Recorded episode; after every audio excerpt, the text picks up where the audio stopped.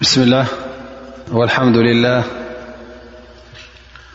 والصلاة والسلام على رسول الله وعلى آله وصحبه وسلم ومن واله خبركم أحوت خبرك أحت السلام عليكم ورحمة الله وبركاته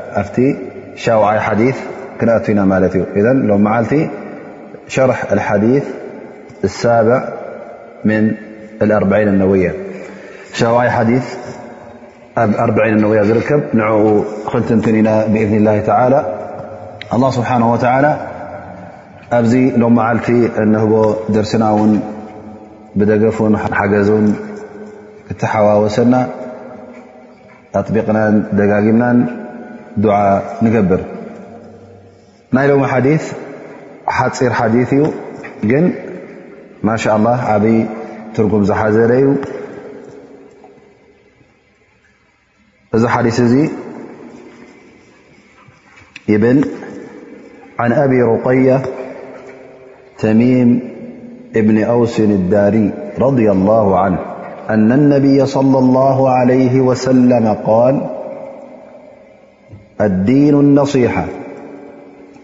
قلنا لمن قال لله ولكታبه ولرሱوله ولأئመة المስلሚና وዓመتهም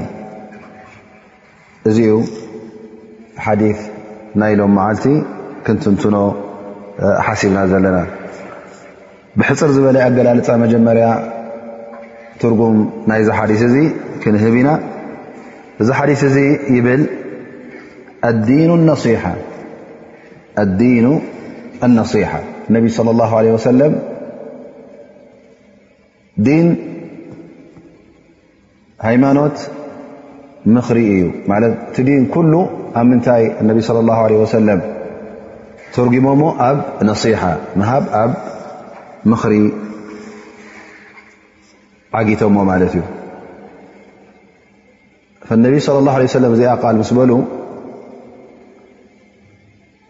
م نذي قال سمع أصحاب النبي نت يبلو قلنا من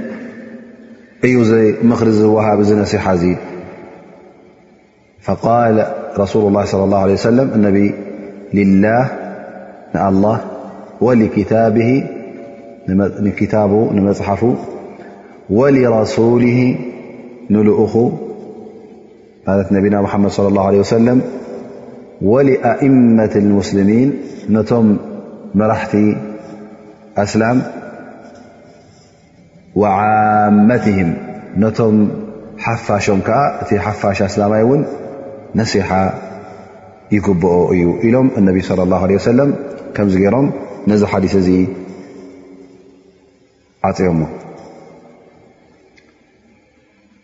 ብድሕሪ እዚ ናብቲ ትንተና እንሻ ላ ኣስፍሕ ዝበለ ትንተና እቲ ካብዚ ሓዲስ እዚ ዝውሰድ ረብሓን ፋይዳን እውን ናብኡ ክንኣቱ ኢና ማለት እዩ እዚ ሓዲስ እዚ ከምቲ ዝጠቐስናዮ ኩሉ ግዜ እውን ንደጋግሞ ማለት እዩ ምክንያቱ እማም ነወዊ ነዚ ሓዲስ እዚ ወይ ከዓ ነዚ ክታብ እዚ ክፅሕፉ ከለዉ ካብቲ ሓዲ ረሱል ፍልይ ዝበለ ዕብትን ዓብይ ትርጉም ዝሓዘለ ሓዲን ንዑ ጥራዮም ኣኻኺቦም ማለት እዩ ፈኢዘ እዚ ሓዲ እዚ ዓብ ሓዲ ማለት እዩ ምኽንያቱ ነቲ ዲን ኩሉ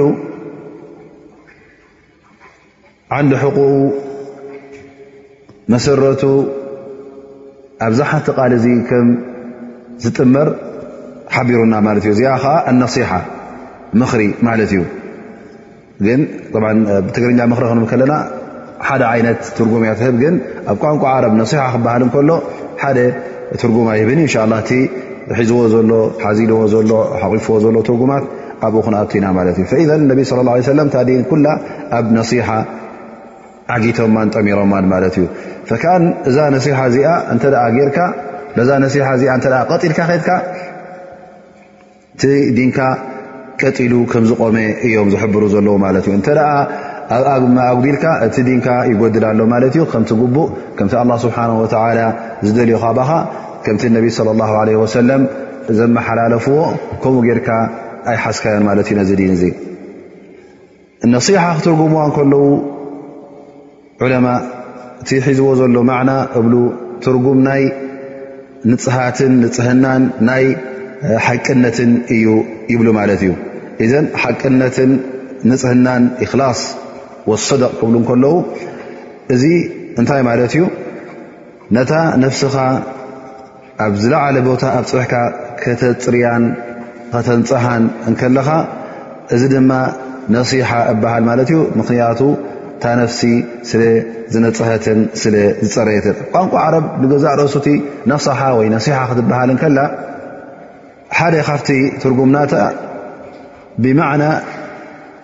ኣልኻልስ ኣናስሕ ብማዕና ኣልኻልስ ምን ኣልዓሰል ማለት ፅሩይ ንፁህ ማለት እዩ ከም ንኣብነት መዓር ካብ ሰፈፉ ፈሊኻ ነቲ ወለላ ንበይኑ ክተፅርዮ ከለኻ ምንም ገፈጥ ዘይብሉ ሰፈፋ ዘይብሉ ጌርካ ክተውፅኦ ከለኻ እዚ ሕጂ ዓሰል ካልስ ስለ ዝኾነ ነስሓ ዓሰል ይበሃል ነዚ መዓር እዚ ስለ ዘፅርኻዮ ማለት እዩ እንታይ እዩ ዝብል ዘሎ እዚ ሓዲት እዚ ማለት እዩ ኣንቱም ሙእምኒን ኣንቱም ኣስላም ነፍስኹም ካብ ኩሉ ገፈፋት ካብ ኩሉ ገስረጥ ዝኾነ ስርሓት ካብ ኩሉ ነዛ ዲንኩም ዘበላሸወልኩም ዘህስሰልኩም ካብ ኩሉ ረሓቑ ነዛ ዲንኩም ኣፅሪኹም ብልጭልጭ ኣብልዋ እዩ ዝብል ዘሎ ማለት እዩ ፈይዘን ካብ ኩሉ ትደርሰሓካ ነገር ነዚ ድንካ ዘርስሕ ካብኡ ከተፅርያ ከለኻ ነሳሕታ ብማዕና ካልስ ኮንካ ፀሪኻ ማለት እዩ ካልእ ትርጉም እውን ኣለዎ ብሉ ኣብ ቋንቋ ዓረብ ነሳሓ ክበሃል እንከሎ ብማዕና ካጣ ሰፍዩ ማለት እዩ ወይ ከዓ ለጊቡ ማለት እዩ ነሳሓ ኣውብ ኣይ ካጣሁ እተ ሓደ ዓለባ ሰፊኻዮ ብማዕና ነሳሓ እውን ኣብ ቋንቋ ዓረብ ይመፅ እብሉ እዘን እንታይ ማለት እዩ ንሓደ ክዳን ክትሰፍዮም ከለካ እንታይ ሃገርካ ዘለካ ማለት እቲ ተቆሪፁ ነበረ እቲ ተቀዲዱ ነበረ ወይ ከዓ ባዕልኻ ነዚ ዓለባ እዚ ብዝበለፀ መልክዕ ንክወፅእ ወዲ ሰብ ንክክደኖ መልክዕ ዝቦን ክዳኑን ነብሱን ኣካላቱን ዝሽፍነሉን ብፅቡቕ ዘርእዮ ጌርካ ክትሰፍዮ ከለካ እዚ ሕጂ እንታይ ጌርካ ማለት እዩ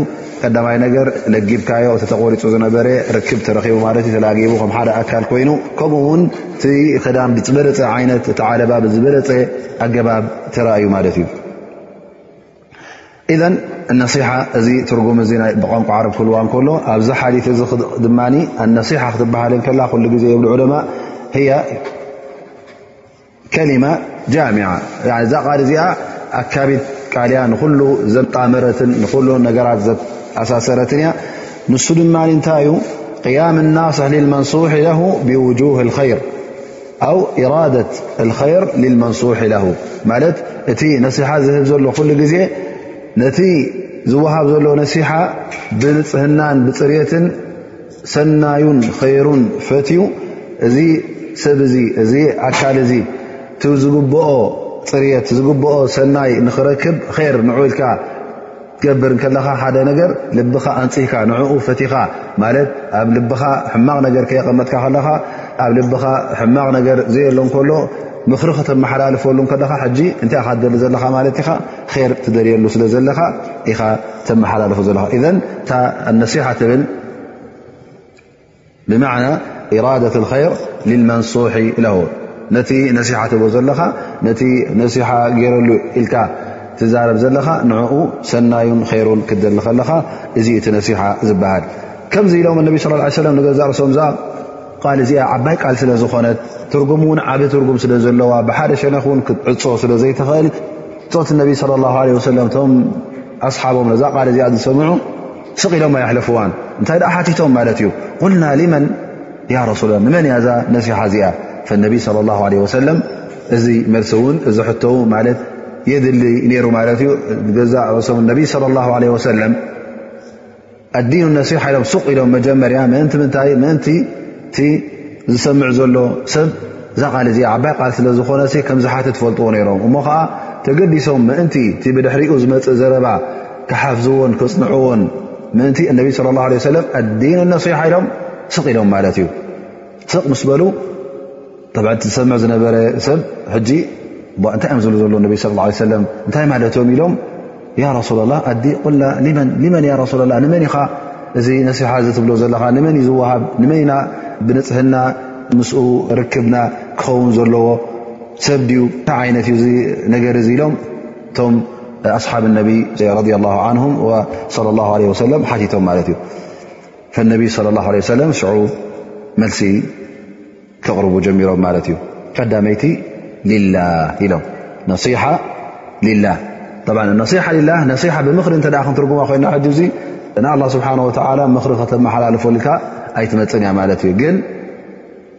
ምስቲ ንጽህናን ምስቲ ሓቅነትን ከነርእያ ከለና ኣብዚ ትትርጉም ትህበና ማለት እዩ ስለዚ እታ ነሲሓ ብቋንቋ ዓረብ ዓብዪ ወይ ከዓ ገፊሕ ትርጉም ኣለዋ እዘን እንታይ ከመይ ገርና ኢና ምስ ኣላ ስብሓን ወተዓላ ነሲሓ ክንገብር ንበሃል ነሲሓ ሊላ ክበሃል እንከሎ ቀዳማይ ነገር እቲ ኢማንካ ሓቀኛ ኢማን ክኸውን ከሎ ብልኢማን ሳድቅ ብላህ ስብሓ ወላ ንኣላ ስብሓ ወላ ብሓቂ ክትኣምነሉ እንከለኻ ብጎይታኻ እዚ ኣላ ስብሓ ወላ ንሱ ፈጣሪ ኣለም ከም ምዃኑን ፈጣሪ ኩሉ ነገራት ከም ምዃኑ ንኩሉ ፍጡር ውን ንሱ ኸናውንን ንሱ ውን ከም ዘናብርን ክትኣምነሉ ከለኻ ከም ድላዩ ድማ ኣብዚ ዓለም እዚ ብጀካ ኣላ ስብሓን ወተዓላ ካልእ ከም ድላዩ ዝገብር የለን ዝኾነ ይኹን ኣካል ኣብ ትሕቲ ኣላ ስብሓን ወተዓላ ከም ዝኾነ ኣላ ስብሓን ወተዓላ ጥራይ ድላዩ ገባርን ሓደግን ከም ምዃኑ ክትኣምነሉ ንሱ እውን እቲ ሓደ እንኮ ኣምልኾት ዝግብኦ ከም ምዃኑ ክትኣምነሉ ኣምልኾት እውን ንዕኡ ጥራይ ክትህብ እንከለኻ ብንፅህና ብእክላስ ናብ ኣላ ስብሓን ወተላ ክትቀርብ ከለኻ እዚ እንታይ ይበሃል እዚ እውን ነስሓ ልላህ ይበሃል ማለት እዩ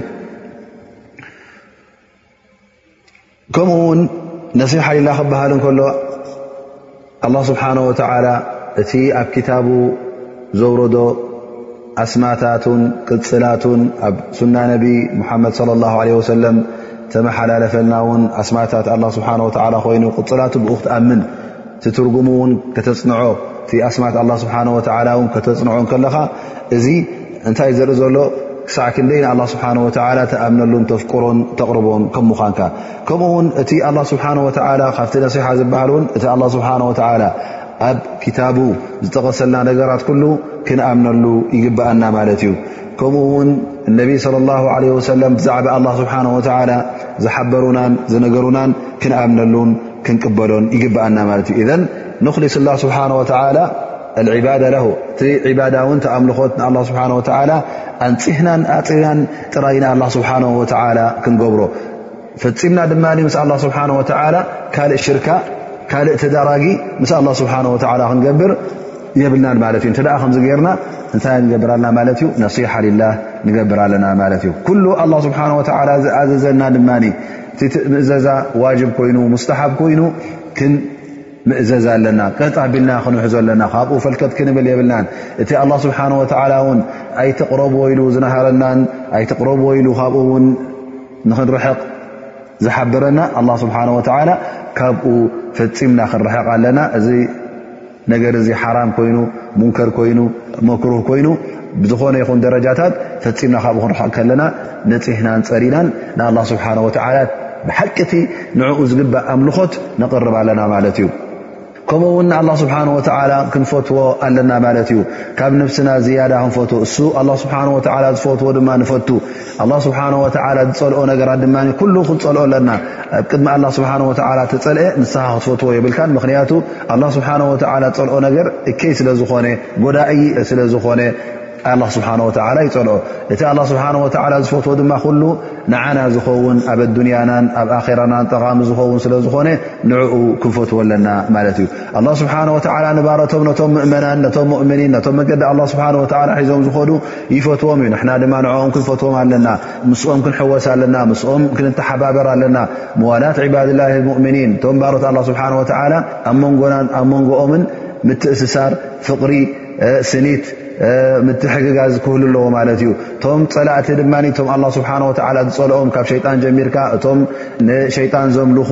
ምስ ኣላ ስብሓን ወተዓላ ሽርክ ዝገብሩ ብኣላ ስብሓን ወተዓላ ዝኽሕዱ እውን ንስኻ ውን እዞም ሰባት እዚኦም እዞም ወገናት እዚኦም ኣላ ስብሓን ወተዓላ ዘይፈትዎም ስለ ዝኾኑ ንኣላ ስብሓን ወተዓላ ዝበደሉ ስለ ዝኾኑ ንስኻ ውን ካብኦም ናፃ ክትከውን ኣለካ በራእ ክትብል ኣለካ ክትፀልኦም እውን ኣለካ ማለት እዩ ፈመን ቃማ ብሊክ እንተ ነዚ ነገራት ጌርካ እንታይ ጌርካ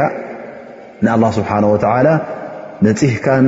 ልብኻ ኣንፅህካን ነፍስኻ ነፅህካን ቀሪብካዮ ኣለኻ ማለት እዩ ካብ ኩሉ ነዚ ነፍሲ እዚ ነዚ ኢማንካ እዚ ነዚ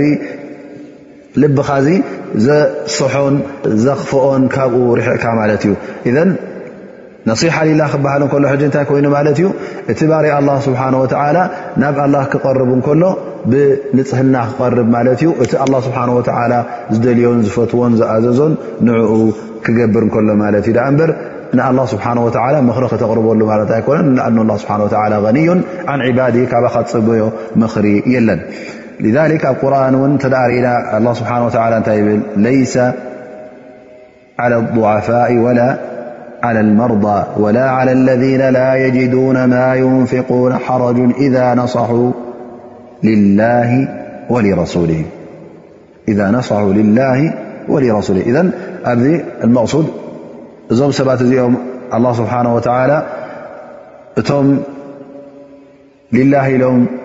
ፊ ሰቢልላህ ምእንቲ ኣላ ስብሓን ወተላ ኢሎም ገንዘብ ንኸውፅኡ ክእለት ዘይብሎም ዝኣመሰሉ ወይ ከዓ ሕሙማት ድኹማት ነዚ እስልምና እዚ ብዝከኣሎም መጠን ክቃለስሉ እደልዩ እዮም ግን ድኽመት ስለ ዘለዎም ሕማም ስለ ዘለዎም ወይ ከዓ ሕፅረት ናይ ገንዘብ ስለ ዘለዎም ሊላ ኢሎም ፊ ሰቢልላ ኢሎም ገንዘብ ከውፅ ዘይክእሉ እዞም ሰባት እዚኦም ኣላ ስብሓን ወተላ ምሒረኩም እየ ላሓረጅ ኢልዎም እዩ እንተ ደኣ ብሓቂ ንፅህና ኣለኩም ኮይኑ ግን ሊላ ወይ ረሱሊ ንኣላ ስብሓን ወተላ ነቲ ልእኹ እውን ብቓልኩም ኮይኑ ብተግባርኩም እንተ ደኣ እቲ ንያኹም ፅሩይ ኮይኑ እንተ ር ንክትገብሩ ድልት ኣለኩም ኮይኑ ላ ስብሓን ወተላ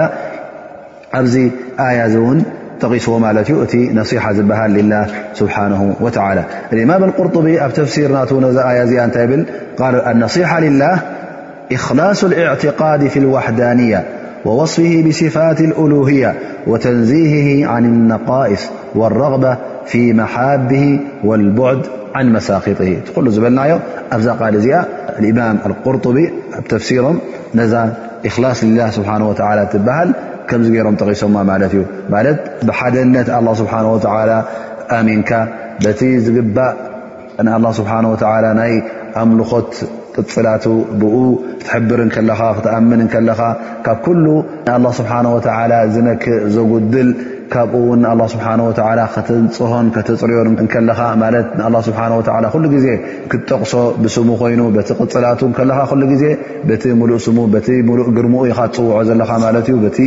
ኣኽብሮት ናቱ ዝመለአ ኣስማቱ ኢኻ ትፅውዖ ከምኡ ውን እቲ ኣላ ስብሓን ወተላ ዝፈትዎ ነገራት ንዕኡ ትዋኣ ኢኻ ትቐርቦን ትፈትዎን እቲ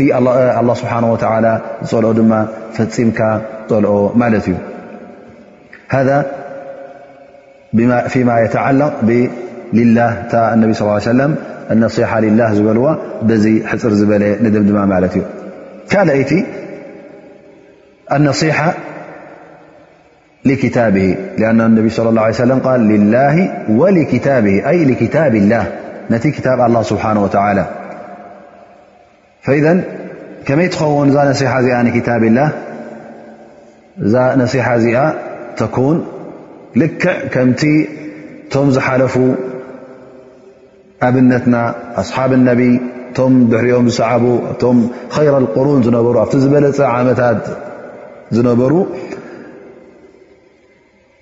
ከምቲ ንሶም ዝኣምንዎ ዝነበሩ ገርና ብዛዕባ ቁርን ክንኣምን ማለት እዩ ብማዕና እዚ ቁርን እዚ ልክ ቃል ኣላ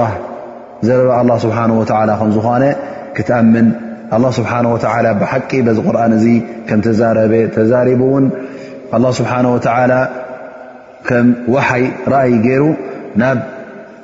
ነቢና ሙሓመድ صለ ላሁ ለ ወሰለም ከም ዘመሓላለፎ ብጅብሪል ገይሩ እዚ ክታብ እዚ እውን እቶም ዝሓለፉ ምእመናን ኩሎም ብኡ ብሓቂ ኣሚኖም እዮም ቃል ኣላ ስብሓን ወተዓላ ከም ዝኾነ እቲ ብኡ ዝመፀ ኩሉ መርትዖታት ሓቀኛ ከም ምዃኑ እዚ ክታብ ቁርን እውን ቃል ኣላ ስብሓን ወተላ እዩ ክትበሃል እንከሎ ፈፂምካ እዚ ቃል ኣላ ስብሓን ወተላ ቃል ሰብ ይመስል እዩ ወይ ከዓ ከም ቃል ሰብ እዩ ኢልካ ምስ ቃል ሰብ ከተቀራርቦ እንተ ኮይንካ ብተመሳሳሊ ኮይኑ ወይ ከዓ ደቂ ሰብ እውን ከምዚ ቃል እዚ ሰክዑን ክብሉን ክዛረቡን ንኽእሉ እዮም እተ ትብል ኮይንካ እዚ ዘረባ እዚ ሕጂ ክሕደት እዩ ዝቁፀር ማለት እዩ እዘን ፈፂምካ እዚ ቃል እዚ ፈፂሙ ቃል ሰብ ከምዘይመስል ደቂ ሰብ እውን ነዚ ቃል እዚ ዝመስል ክታብ ፅሑፍ ክፅሕፉ ከም ዘይክእሉ ክትኣምን ማለት እዩ ذ ነቢ ኣ ስብሓን ወተላ እቲ ኣብ ግዜ ነቢና ሙሓመድ صለ ላ ለ ወሰለም እዚ ቃል እዚ ከምኡ ክንብል ንኽእል ኢና እዚ ቃል እዚ ቃል ናይ ሰብ እዩ ዝብል ዝነበረ ኣላ ስብሓን ወተላ ተዋዓደ ነዚ ሰብ እዚ ብምንታይ ቆፀራ ገይሩሉ ማለት እዩ ቃል ኣትሉ ኣብ እሳተ ጀሃንም ክእትዎ ከም ምዃኑ ዕንደማ ቃል ን ሃذ ኢላ ቐውሉ በሸር ምስ በለ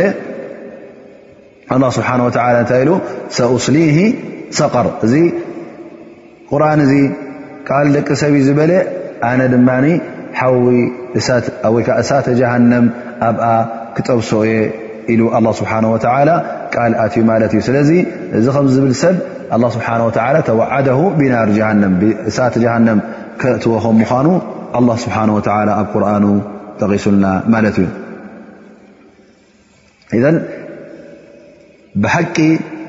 ክንኣምን ኣለና ክንፈልጥ ኣለና ማለት እዩ እዚ ቁርን እዚ ቃል ናይቲ ፈጣሪ ደቂ ሰብ ዳኣ እምበር ናይ ደቂ ሰብ ከም ዘይኮነ ከምኡ ውን እዚ ቁርን እዚ ፈፂሙ ውን ቃል ደቂ ሰብ ከም ዘይመስል ክንኣምን ኣለና ማለት እዩ ስለዚ በዚ እንተ ኣሚንካ ነዚ ቀጣ ቢልካ እተ ሒዝካ መገዲ ሓቂ ሒዝካ ትኸይዳ ኣለኻ ማለት እዩ ከምኡ ውን ነዚ ቁርን እዚ ከነኽብሮ ኣለና ዕብየቱን ክብረቱን ክንሕልወሉ ኣለና ምኽንያቱ እዚ ቁርን እዚ ቃል ኣላ ስብሓን ወላ ስለ ዝኾነ ከነዕዝዞ ይግብኣና ማለት እዩ ስለዚ ክብረቱ ከዓ ከምቲ ተኣዘዝናዮ ኣብ ፅቡቕ ቦታ ከተንብሮ ኣለካ ትቕልካ ኣብ ዝኾነ ቦታ ክትድርቢ የብልካን ኣብ ረሳሕ ቦታ ኣብ ነጅስ ቦታ እንታይ ደኣ ኩሉ ግዜ ክብረት ከተለለካ ማለት እዩ ነዚ ክታብ እዚ ከምኡውን ክትቀርኦ ከለኻ ተገዲስካ ክትቀርኦ ኣለካ ማለት እዩ ውዱእ ጌርካ ትሕዞ እዚ ኩሉ እንታይ ዝርኢ ዘሎ ክብረት ናይዚ ቁርን እዚ የርእካ ኣሎ ማለት እዩ ከምኡ ውን እዚ ቁርን እዚ ነቲ መሪሕ ሂወትና ከም ምኳኑ ንኩሉ ሂወትና ውን ይዕብልል ከም ምኳኑ ኣብ ውሱን ግዜን ውሱን ሰዓትን ውሱን ዕድመን ውን የብሉን ውሱን ቦታ ውን የብሉን እንታይ ደኣ እዚ ቁርን እዚ ሳልሕ ሊኩል ዘማንን ወመካን ንኩሉ ግዜያትን ንኩሉ ቦታታትን እኹልን ብቑዕን ከም ምዃኑ ክንኣምነሉ ኣለና ማለት እዩ ምክንያቱ ኣላ ስብሓን ወተላ እዚ ቁርን እዚ መደምደምታ መልእኽቱ ስለ ዝገብሮ ነቢና ሓመድ ለ ላ ሰለም ተላኢኹም ሒዞሞ ዝመፁ መደምደምታ ስለ ዝገብሮ ማለት እዚ ቁርን እዚ ቀፃሊ ማለት እዩ ክሳዕ መዓስ ክሳዕ ዮም ኣልቅያማ ዝኸውን ደቂ ሰብ በዚ ቁርን እዚ ቐጢሎም ህወቶም ክምርሕሉ ከም ዝግባእ ክንኣምነሉ ኣለና ማለት እዩ ብዝከኣለና መጠን እውን መሪሕ ህወትና ክንገብሮ ኣለና ማለት እዩ መሪሕ ህወትና ንክንገብሮ እውን ክንቃለስ ኣለና ማለት እዩ ንሕና ኮይኑ ኣብ ግልናን ኣብ ናይ ዕለታዊ ናብራኻ ናይ ተራ ናብራኻ ናትካ ናይ ውልቅኻ ናብራኻ ብኡ ቀጥ ኣቢልካ ክትከይድ ኣለካ እነቢ ለ ላ ለ ወሰለም ሰይድ ዓእሻ ብዛዕባ ጠባዮም ክጠቅስ ከላ ካና ክሉቁህ ቁርን ትብል ነራ ማለት እዩ ይሻ ረ ላ ን እዘን ጠባይ እነቢ ስ ሰለ ሞራል ነቢና ሓመድ ስ ሰለም ስነ መግባሮም እንታይ እዩ ነይሩ ቁርን እዩ ነይሩ ቁርንን የተሓረክ ልክዕ እቲ ቁርን ዝንቀሳቀስ ዘሎ ኣብ ህወት ነቢና ሓመድ ለ ላ ለ ወሰለም ይረአ ነይሩ ማለት እዩ እዘን እቲ ቁርን መፈለምታ መርሕ ህወትና ከም ውልቀ ሰባት ከምኡ ውን ነቲ ሕብረተሰብና ኩሉ ክመርሕ ይኽእል ከም ምኳኑ ኣሚና ህብረተሰብና ውን ንኽመርሕ ክንቃለስ ኣለና ማለት እዩ ምክንያቱ ኣ ስብሓ ወ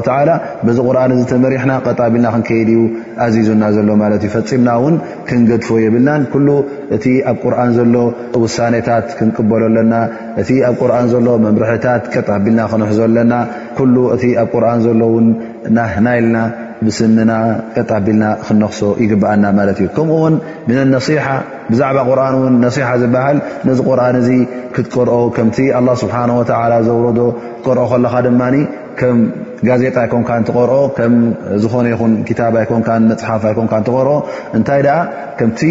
ግቡእ ኣቀራርኡ ጌርካ ትቐርኦ ማለት እዩ ኣን ኣላ ስብሓን ወተላ የቁል ወረትሊ ቁርን ተርቲላ ወረትሊ ቁርን ተርቲላ እዘን ከምቲ ግቡእ ከምቲ ኣላ ስብሓን ወተላ ዘውረዶ ተቕራእሁ ከማ እንዝል ክትቀርኦ ኣለካ ማለት እዩ ንስኻ ቀሪእካዮ ናብ ካልእ እውን ከተመሓላልፎ ንካልእ እውን ኣሕዋትካ ከተቕርኦም ኣለካ ማለት እዩ ኣን ነቢ ስ ሰለ የል ሩኩም መን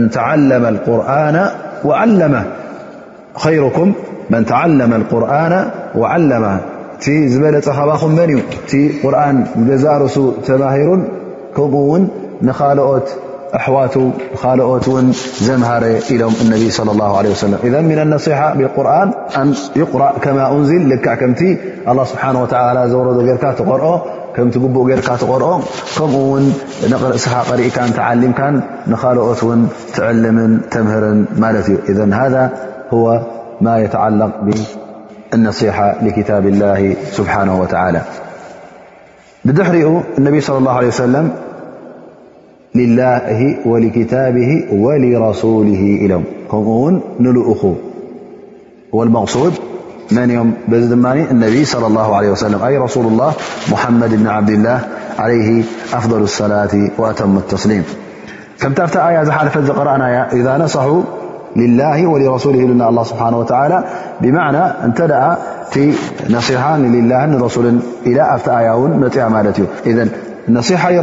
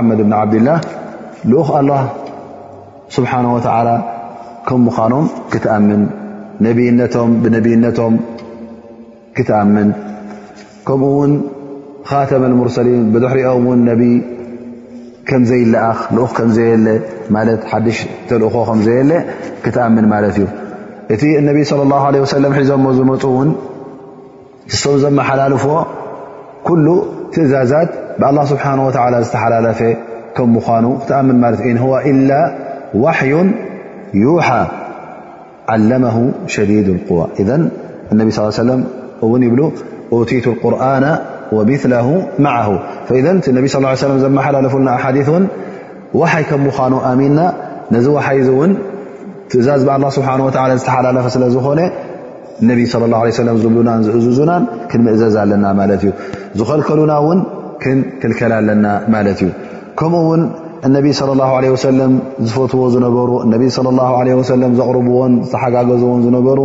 ንዕኡ ክትፈቱ ኣለካ ማለት እዩ ምስ ክትተኣሳሰር ኣለካ ማለት እዩ እነቢ ስ ሰለም ዝፀልእን እነቢ ለ ላ ለ ሰለም ዝፅርፍን እነቢ ለ ላ ለ ወሰለም ብሕማቕ ጠቅስን እውን ነዚ እውን ክትፀልኦ ኣለካ ማለት እዩ ምኽንያቱ ፍቕሪ እነቢ ስ ሰለም ሕብ እነቢ ለ ላ ለ ወሰለም ካብ ኢማን ስለ ዝኾነ ነቢ صለ ላه ለ ሰለም ካብ ነፍስናን ካብ ደቅናን ካብ ማልናን ካብ ኩሉ ኣሕዋትና እውን ብዝያዳ ንዕኦም ክንፈቱ ኣለና ምኽንያቱ እቲ ፍቕሪ ናቶም ፍቕሪ ናይ ዲን ስለ ዝኾነ ምስ ዲን ስለ ተኣሳሰሩ ነቢ ስለ ላ ሰለም ክንፈትዎም ኣለና ነቢ ስለ ላ ለ ሰለም ከነኽብሮም ኣለና ስምም ክጥቀስ እንከሎ ሱቕ ኢልና ከነሕልፎ የብልናን ኣላሁመ ሰሊ ዓላ ሰይድና ሙሓመድ ክንብላና ማለት የብል ነቢ ስ ሰለም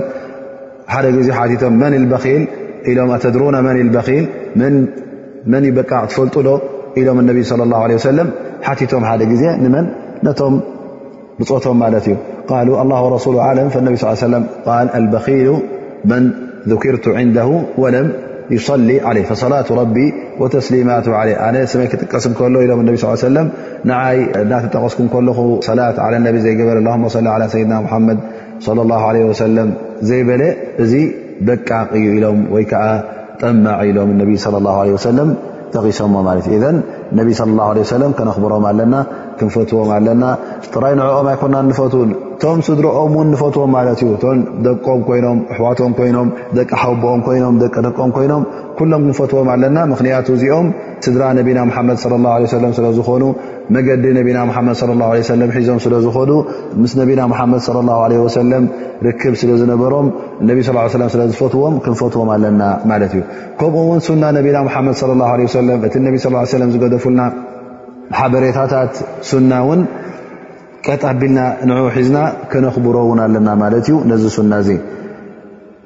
ከምኡ ውን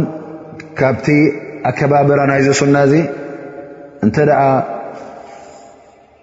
ዘይፍለጥ ሱና ኣሎ ኮይኑ ዘይተዘውተረ ሱና ኣሎ ኮይኑ ነዚ ሱና እዚ ፈትሽና ካብ ክታብቲ ኣውፅእና ነዚ ሱና እዚ ክንዝርግሖን ክንዝውትሮን ከለና ነዚ ሱና እዚ ክንመሃር ከለና ነዚ ሱና እዚ ክንከላኸለሉ ከለና ነቲ እነቢ ስለ ላ ለ ሰለም ኩሉ ዝገደፉልና ሓበሬታታት ንኩሉ ጠሚርናን ኣኪብናን ህዝቢ ከነፍልጦ ከለና እዚ ሱና እንታይ ከም ምዃኑ እውን ክንርእዮም ከለና ናብዚ ሱና እዚ ናብዚ መገዲ ነቢ ስለ ላ ለ ወሰለም ነቶም ኣስላሙን ክንፅውዖም ከለና እዚ ኩሉ እንታይ እዩ እዚ ኩሉ ገዛእ ርእሱ ምን ነስሓ ሊረሱል ላ ማለት እዩ ንነቢ ስለ ላ ለ ወሰለም ብንፅህና ብነስሓ ንቀርቦም ኣለና ማለት እዩ ከምኡ ውን እቲ ስነ መግባር ናይ ነቢና ሙሓመድ ለ ላ ለ ወሰለም ኣኽላቕ ናቶም ንዕኡ ክንክተል ኣለና ልክዕ ከምኦም እውን ክንመስል ኣለና እቲ ናቶም ኣኽላቕ እውን ኣብነት ስለ ዝኾነ ተግባራቶም ኩሉ ኣብነትና ስለ ዝኾነ ነዚ ኣብነት እዚ ክንክተሎን ክንስዕቦን ኣለና ማለት እዩ ምክንያቱ እንተ ነዚ ጠባያት ነቢና ሙሓመድ صለ ላ ለ ወሰለም ሞራላት ነቢና ሓመድ ለ ላه ሰለም ቀጥ ኣቢልና ሒዝና ህወትና ልክዕ ከምቲ ህወት ነቢና ሓመድ ለ ላ ለ ሰለም ዝነበረ እተ ክንገብር ንቃለስ ኮይና መጨረሽታና ስዑዳትን ሕጉሳትን ክንከውንና ማለት እዩ ኢዘ ነቢ ለ ላ ለ ወሰለም ልኡኽ ኣላ ስብሓን ወተዓላ ስለ ዝኾኑ ናቶም ክብረትን ናቶም ምእዘዛን ሓሊና ክንከይድ ከለና ቀጥ ኣቢልና መንገዶም ኣሰሮም እውን ክንክተል ከለና ሱና ነቢ እዚ ዩ ክንበሃል ከለና እዚ ዶ እዚ ዶ ከይበልና ተቐቢልና ክንከይድ ኣለና ማለት እዩ ምክንያቱ እነቢ ለ ላ ለ ወሰለም ኣላ ስብሓን ወተዓላ ክልእኮም እንከሎ ስለምንታይ ይልእኹዎም ምእንቲ ንዓና ኣብነት ኮይኖም ልክዕ ከማና ወዲ ሰብ ከምቲ ንሕና ንዓና ምሳና ዘሎ ስምዒት ካብ ደምን ካብ ዓፅምን ስጋን ተኸለቑ ልክዕ ከማና እንከለዉ እሞ ከዓ ነቲ ትእዛዝ ኣላ ስብሓን ወተዓላ ኩሉ ገለ ከየጉደሉ ኣብ ዕለታዊ ተግባሮም ኣብቲ ሓላፍነት ተሰኪሞሞ ዝነበሩ ኣብ ኩሉ በቲ ቁርን በቲ ኣላ ስብሓን ወላ ዘውረዶ ውሓይ ዝኸዱ ዝነበሩ እሞ ከዓ እዚ ተግባር እዚ እዚ ቁርን እዚ እዚ ዲን እስልምና እዚ ወዲ ሰብ ኣብ ነፍሱ ከቑሞ ይኽእል ማለት እዩ ኣነቢ ስ ሰለም ክልኣኹ ከለዉ ኣብነትና እዮም እሶም ክገብርዎ ካብ ክኣሉ እቲ ትእዛዛት ልክዕ ንሕና እውን ንክንገብሮ ተኣዚዝና ማለት እዩ ኢላ እቲ ካስ ዝኾነ ንነቢ ለ ላ ለ ሰለም ፍልይ ዝበለ ንዕኦም ተኣዘዝዎ እዚ ኣብቲ ቁርን ኮይኑ ሱና ነቢ በሪህ እዩ እዚ ግን ካባና ይጠለብን እዩ ግን ብሓፈሽኡ እነቢ ለ ላ ለ ሰለም ኣብነትና ስለ ዝኾኑ ኣሰሮም ተኸቲልና እቲ ኩሉ ዝገብርዎ ዝነበሩ ኣብ ግብሪ ከነውዕሎም ከለና ቃሎም ይኹን እቲ ዝገብርዎ ዝነበሩ ተግባራት ውን እዚ ካባና ይድለ ማለት እዩ ከምኡ እተደኣ ኮይና ንነቢና ሙሓመድ ለ ላ ለ ሰለም ነሲሕናሎም ማለት እዩ እቲ ነሲሓ እውን ቀጥ ኣቢልና ንፅህና ሂዝናዮ ማለት እዩ ማ እነቢይ ለ ላ ለ ሰለም ኣብዚ ሓዲስ እዚ ንመን ጠቒሱ ነቶም ኣእመት ሙስልሚን ዝበሃሉ ማለት እዩ እሶም ከዓ እቶም መሪሕነት ሒዞም ዘለዉ ንህብረተሰብ እስልምና መሪሖም ዝኸዱ ኣስላም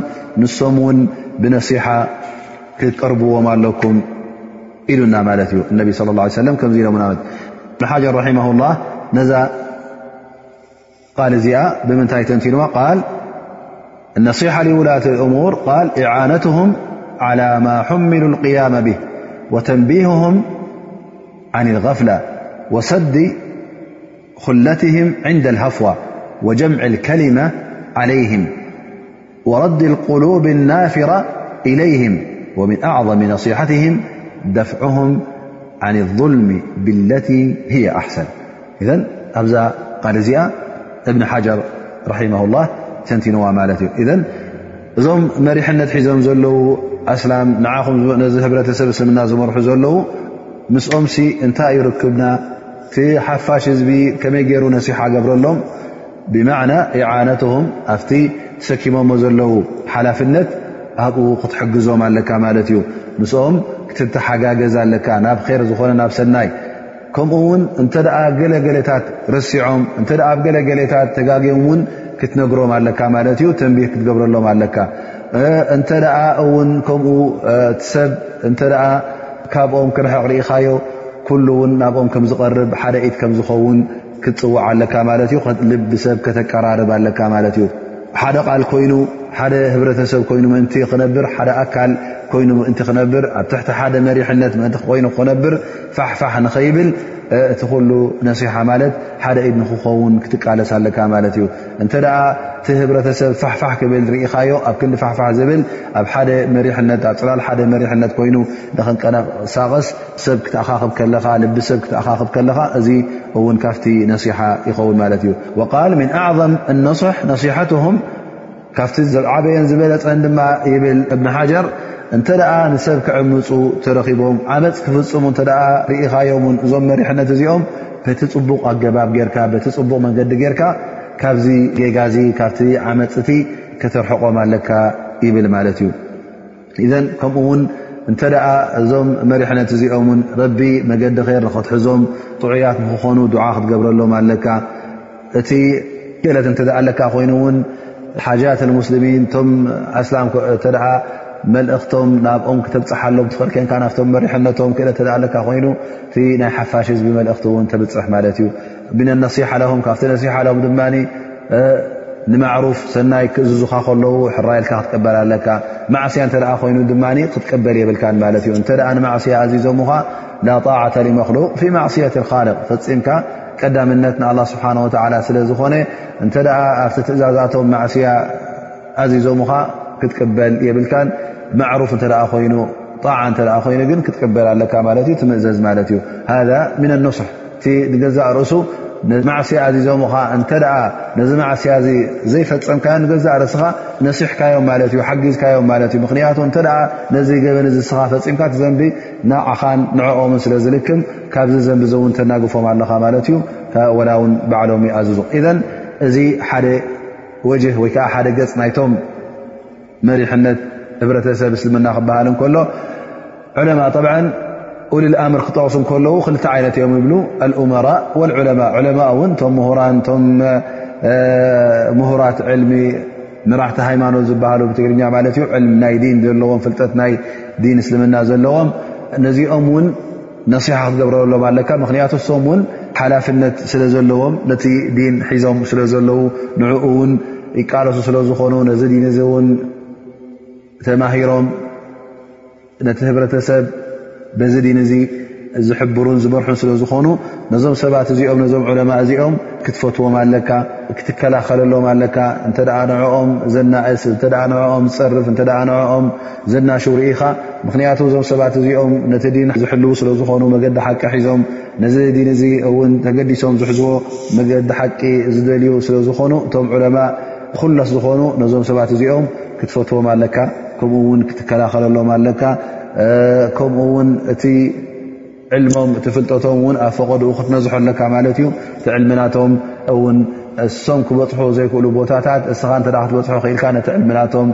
ውን ክትነዝሖ ኣለካ ማለት እዩ ኣብ ሙሉእ ዓለም ኣብ ሙሉእ ቦታ ኣብቲ ኣድላይ ዝኾነ ማለት እዩ እዘን ኣውልያ ኣልኣምር እቲ ነሲሓናቶም ሰዋእን ኡመራእ ኮይኖም ማለት ሓላፍነት ዝሓዙ ወይ ከዓ ምሁራት ኮይኖም ምሁራት ኮይኖም ውን ነዚኦም ሰባት እዚኦም ን ነዞም ዕለማ እዚኦም ን ሓላፍነት ስለ ዝሓዙ እቶም መሪሕነት ናይ እስልምና ውን ኣብ ኢዶም ስለ ዘሎ እታ ክትገብረሎም ኣለካ ማለት እዩ ነሲሓ ክትገብረሎም ኣለካ ተነሲሐኦም ድማ ከምዚ ዝጠቐስናዮ ይኸውን ከምኡ ውን እቶም ነሲሓ ክወሃቡ ዝግብኦም ውን ነቢ صለ ላ ለ ሰለ መጨረሻ ዝጠቀሶም ዓመት ሙስልሚን ሓፋሽ ኣስላም ማለት እዩ ንዕኦም ውን ትመክሮም ነሲሓ ትቦም ቃል ዓላማ ነወዊ تكون النصيحة لعامة المسلمين بمنتخونلو إرشادهم لمصالحهم في آخرتهم ودنياهم وكف الآذا عنهم فيعلمهم ما يجهلونه من دينهم ويعينهم عليه بالقول والفعلذ ነዞም ሰባት እዚኦም ነዚ ሓፋሽ ህዝቢ እዚ ከመይ ጌርካ ኢኻ ነሲሓ እትገብረሉ ኩሉ ንዕኦም ዝኸውን ንሰናዮም ዝኸውን ኣብ ኣደንኦም ኮይኑ ኣብ ኣኼራኦም ኮይኑ ክትሕብሮም ክትነግሮም ክትመኽሮም ምኽርኻ ኩሉ ድልየትካ ኩሉ እንታይ ክኸውን ማለት እዩ ንዕኦም ጠቓምን ንዕኦም ከዋንን ዝኸውን ኣብ ኣዱንያኦም ኮይኑ ኣብ ኣኼራኦም ኮይኑ ዝጠቕሞም ከምኡ ውን ዝኾነ ይኹን ማህሰይቲ ዝኾነ ይኹን ጉድኣት ከተውርደሎም የብልካን እንታይ ደኣ ክትከላኸለሎም ኣለካ ዝኾነ ጉድኣት ክወርድ እንተ ርኢኻዮ እውን ከተጠንቅቖም ኣለካ ማለት እዩ ኣብቲ ዲን እውን ዘይፈልጥዎ ዝነበሩ እተ ኣሎ ኮይኑ ከተፍልጦም ኣለካ ክትዕልሞም ኣለካ ብቓልካን ብተግባርካን ኩሉ ክትሕግዞም ከለኻ ሰናዮም ደሊኻ ማለት እዩ እዚ ካባኻ ዝጥለብ ማለት እዩ ከምኡ ውን ጌጋታት ዝፈፀምዎ እንተ ኣሎ ኮይኑ እዚ ጌጋታት እዚ እውን ክትእርሞም ኣለካ ኣሪምካ ድማ ክትሰትሮም ኣለካ ማለት እዩ ክትሓብኦም ኣለካ ማለት ሓደ ሰብ ተጋግዩ ሓደ ሓዉካ ተጋግዩ ኣብ ቅድሚ ሰብ ኩሉ እዚ ኮ ከም ዝገበረ እዚ ኮ ከምዚ እዩ እናበልካ ከተካፍእ የብልካን ማለት እዩ ስለዚ ሰትሪ ዓውራትህም ወሰድ ኸላትህም ግዴታ ይኸውን ማለት እዩ ከምኡ ውን ኣምር ብልማዕሩፍ ክትገብረሎም ኣለካ ማለት ኩሉ ግዜ እንተ ካብ ሰናይ ክረሕቁ ርኢኻዮም ናብ ሰናይ ክትደፍኦምን ብኡ ክትእዝዞምን ኣለካ እንተ እከይ ክገብሩ ክጋገዩ እተ ርኢኻ ብረፈቅ እክላስ ብሰናይ ኣገባብ ጌርካ ብጥዑም ዘረባ ጌርካ ካብቲ እከይ ክትመልሶም ኣለካ ናፍቲ ሓቂ ምክንያቱ እዚ ንዕኦም ጠቃሚ ከምዝኾነ እንተ መገዲ ስብሓ ሒዞም ኮይዶም ኣብ ኣዱንያን ኣብ ኣራን ስብሓ ሽሻይን ኸይርን ስለ ዝኽሕሶም ከምዚ እናበልካ ብጥዑም ዘረባ ጌርካ ከተስምዖም ኣለካ ማለት እዩ ከምኡ ውን ፍቶት ከተርኢ ኣለካ ክትፈትዎም ኣለካ ሸፈቓ ክትገብረሎም ኣለካ ክትድንግፀሎም ኣለካ ዓብ እንተ ኮይኑ ክተኽብሮ ንእሽተይ እተ ኮይኑ ድማ ርሕሞ ክትርህርሃሉ ከለኻ ከምኡ ውን ጥጥዑሙን ሰሰናይን ክትፈትወሎም ከለኻ እቲ ንዓኻ ትፈትዎ ነገር እስኻ ክትረኽቦ ትደሊ ነገር ንዕኦም ንክረኽብዎ ደስ ክብለካ ከሎ እዚ ካብ ምልክት ኢማን ስለ ዝኾነ ዩ ኣን ይሕበ ለም ማ ይሕቡ ነፍሲ እቲ ነፍስኻ ትፈትዎ ንኦም ክትፈትዎ ከለኻ እዚ እንታይ ማለት እዩ እዚ ካብዚ ላዕሊ እንታይ ራ ኣሎ ማለት እዩ እሞእንታይ ዓይነት ራ ሓደ ሰብ ነታ ነፍሱ ዝጎድእ የለን ነፍሱ ጉድኣት ክወርዳ ዘል የለን ኩሉ ግዜ ነፍሱ ር ሰናይ ብለጥ ር ሰናይ ብልፀት ይደልየላ እዩ ስለዚ ልክዕ ከምታ ነብሱ እዚ ነገራት እዚ ዝደልየላ ነቶም ኣሕዋቱ ከምኡ ንክረኽቡ ደስ ዝብሎን ዝፈቱን ዝቃለስን እንተ ኮይኑ እዚ ካብቶም ሙእምኒን ኮይኑ ማለት እዩ ከምኡ እውን እሶም ዝፀልእዎ ክትፀልኦ ኣለካ እቲ ንኦ እሶም ዘይፈትዎ ክትፈትዎ እውን የብልካን ማለት እዩ ምክንያቱ እዚ ሕውነት ዓብ ሕውነት ስለ ዘርኢ ማለት እዩ ፈፂምካ እውን ክትቕሽሾም የብልካን ክትጥብሮም የብልካን ኣብ ልብኻ ውን ፈፂምካ ሓሰት ዝበሃል ነገር ክህልወካ የብሉን ሓዉኻ ር ክረክብ ከሎ ሰናይ ክረክብ ከሎ ትሕጎሰሉ ጉድኣት ክወርዶ ከሎ ሽግር ክወርዶ ከሎ ውን ትሽገረሉ ምስ ከምዝኾንካ ውን ኣነ ምሳኻ የ እናበልካ ውን ኣብ ዝባኑ ክትጥፍጥፎን ከለኻ ኣነ ሓዉኻ ኣነ ምሳኻ ኣለኹ ጎንኻ ኣለኹ ክትብሎ ከለኻ እዚ ንኡ ዘሐጉስ ስለ ዝኾነ ሓደ ኣካል ክትከውን ከለኻ ሙእምን ልሙእምን ከልጀሰድ ልዋሕድ ኩሉ እቲ ሕቁቕ መሰላት ኣስላማይ ንስላማይ ክወሃብ ዝግባእ ከምኡ ኮንካ ክትነብር ከለኻ እዚ እቲ ነስሓ ዝበሃል ማለት እዩ እዘን ብቓልካ ኮይኑ ብተግባርካ ኮይኑ ብምንቅስቓሳትካ ኮይኑ ኩሉ ንጥፈታትካ ንምንታይ ነቲ ሓውኻ ዝፈትዎ ነቲ እስላማይ ሓውኻ ዝፈትዎ ክኸውን ኣለካ ማለት እዩ ይብሉ ዑለማእ ገለ ካብቶም ሰለፍ ሳልሕ ዝነበሩ ምእንቲ ሓዎም ኢሎም ነብሶም ዝጎድኡ ነይሮም ወለው ካነ ብህም ኸሳሳ ወላ ብ ነብሶም ጉድኣት ይወረዶም ዳኣ እንበረይ ወላ የሸገሮም ኣነሸገር ሓወይ ኣይሸገር እናበሉ እዚ ከም ዝኣመሰለ ይረአ ነይሩ ማለት እዩ እዘን እንተ ኣብዚ መርተባ ኣብዚ ደረጃ ዝበፅሕካ ድማ ኣብ ዝለዓለ ደረጃ በፅሕካ ማለት እዩ ማለት እቲ ጉድኣት ኣብ ክንዲ ናብ ሓወይ ዝወድቕ ኣባይ ይውደቕ እቲ ሰናይ ቀዳምነት ኣሕሊፈ ንሓወ ይህቦ ኣለኹ ኢልካ እተ በፅሕካ ድማ እዚ እቲ ዝለዓለ ደረጃ በፅሕካ ማለት እዩ ብ እዚ እቲ ቀንዲ ንመን እዩ እቲ ዓመት ሙስልሚን ኣብቲ ሓዲ ተተቕሰ ማለት እዩ ኣይን ንغይር ሙስልሚን ነቶም ዘኣስላም ውን እቶም ክሓድቲ እውን ነሲሓ ክትገብረሎም ኣለካ ሰናይ ናቶም ውን ክትደሊ ኣለካ ማለት እዩ ኣብ ምንታይ ይረአ እዚ እነቢ صለ ላ ለ ወሰለም ክለኣኹ ከለዉ ኣብ መካ መጀመርያ ክለኣኹ ከለዉ ኣስላማይ ዝበሃለ ዘብኡ ይነበረን ግን እነቢ ለ ላ ለ ወሰለም ነቶም ህዝቦም ኩሎም ሙሽርኪን ኩሎም ጥፉኣት ኩሎም ክሓትን ከለዉ ር ስለ ዝደለዩሎም ብኣላ ስብሓን ወላ ተላኢኾም ነቲ ር ይነዝሕዎ ነሮም ዳዕዋ ይገብሩ ነሮም ንመገዲ ሓቂ ይመርሕዎም ነሮም ካብ ሽርክ ካብ ጥፍኣት ካብ ጣዖት ንኽድሕኑ ለይትን መዓልትን ዕረፍቲ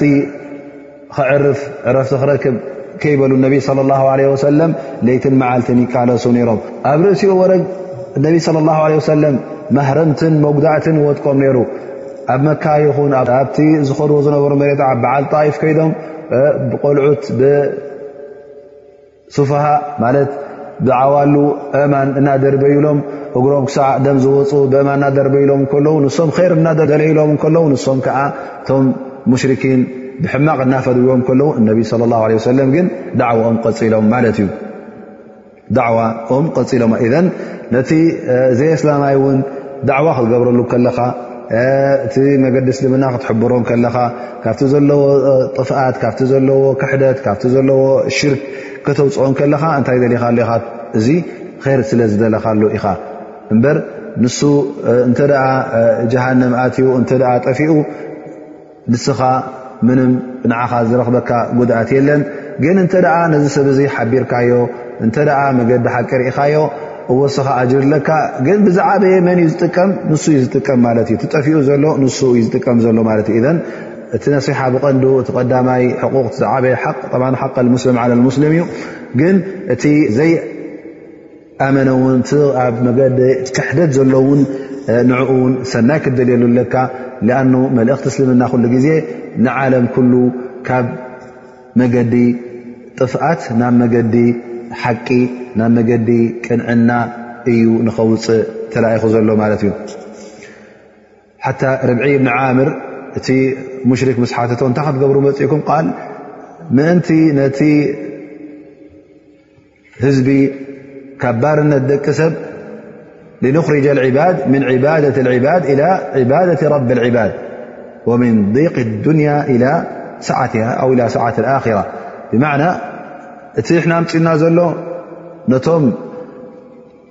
ባሮት ደቂ ሰብ ኮይኖም ዘለዉ ካብዚ ባርነት እዚ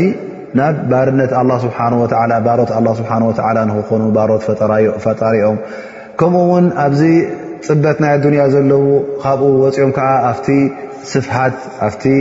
ፍስሃ ናይ ኣኼራን ደስታ ናብኡ እውን ንከመሓላልፎም ማለት ካብቲ ዘለዎ ሽግር ካብቲ ዘለዎ ጥፍኣት ናብ ር ንክንመልሶም ኢና መፂና ኢሉ ተዛሪቡ ማለት እዩ መልእኽትና መልእኽቲ እስላማይ ኩሉ ግዜ ር ንክነዝሕ ስለ ዝኾነ እሱ እውን እዩ መልእኽትና በል ቦታ ናይቶም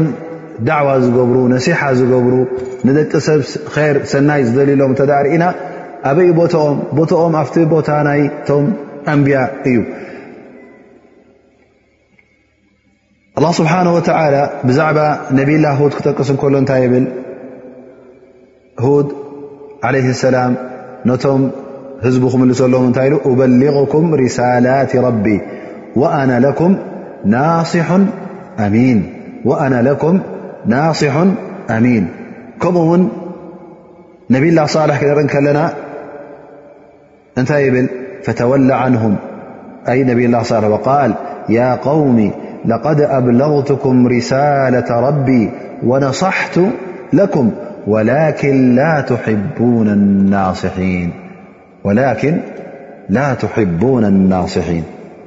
እዘን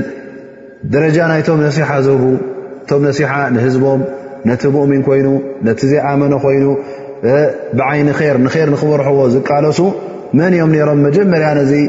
ጉዳይ ዝፈፅምዎ እቶም ኣንብያ እሞ ከዓ እስኻ እተ ነዚ ነገር ትገብር ኮይንካ ልክዕ ኣሰር ኣንብያ ትኽተል ኣለኻ ማለት እዩ ወልዑለማ ወረሰቱ ኣንብያ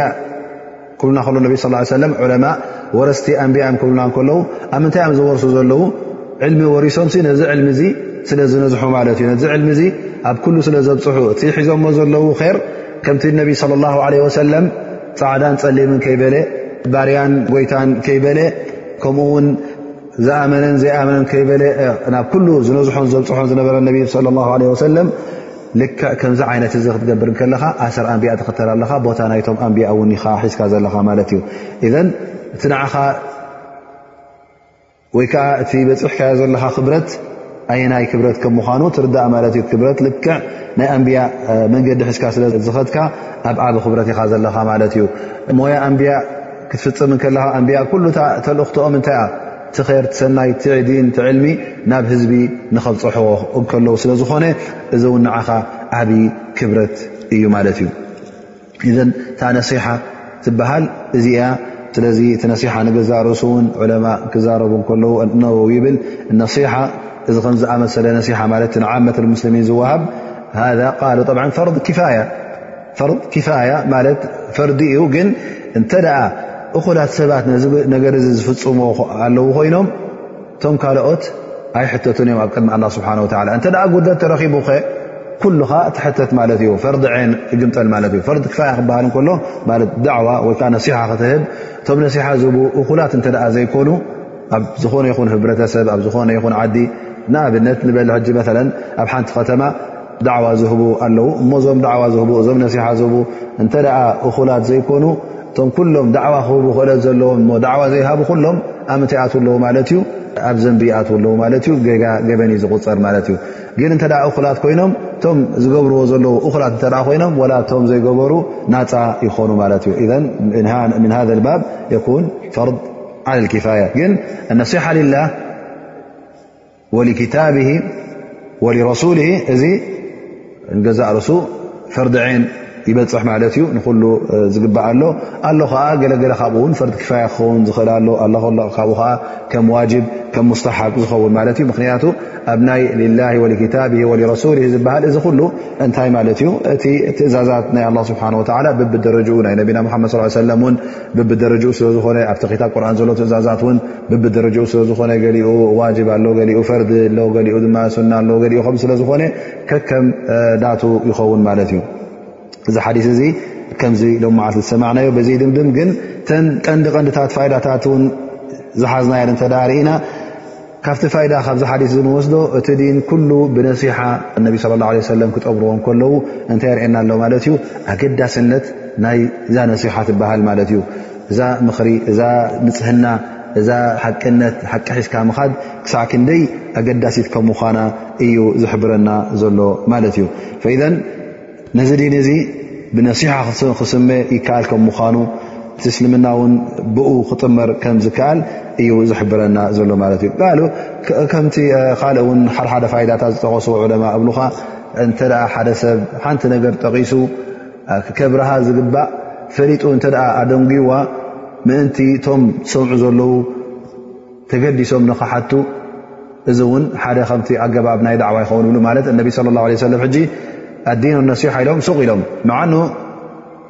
ማዕና ናይ ነሲሓ ትርጉም ናይ ነሲሓ ኣይተንተንዎን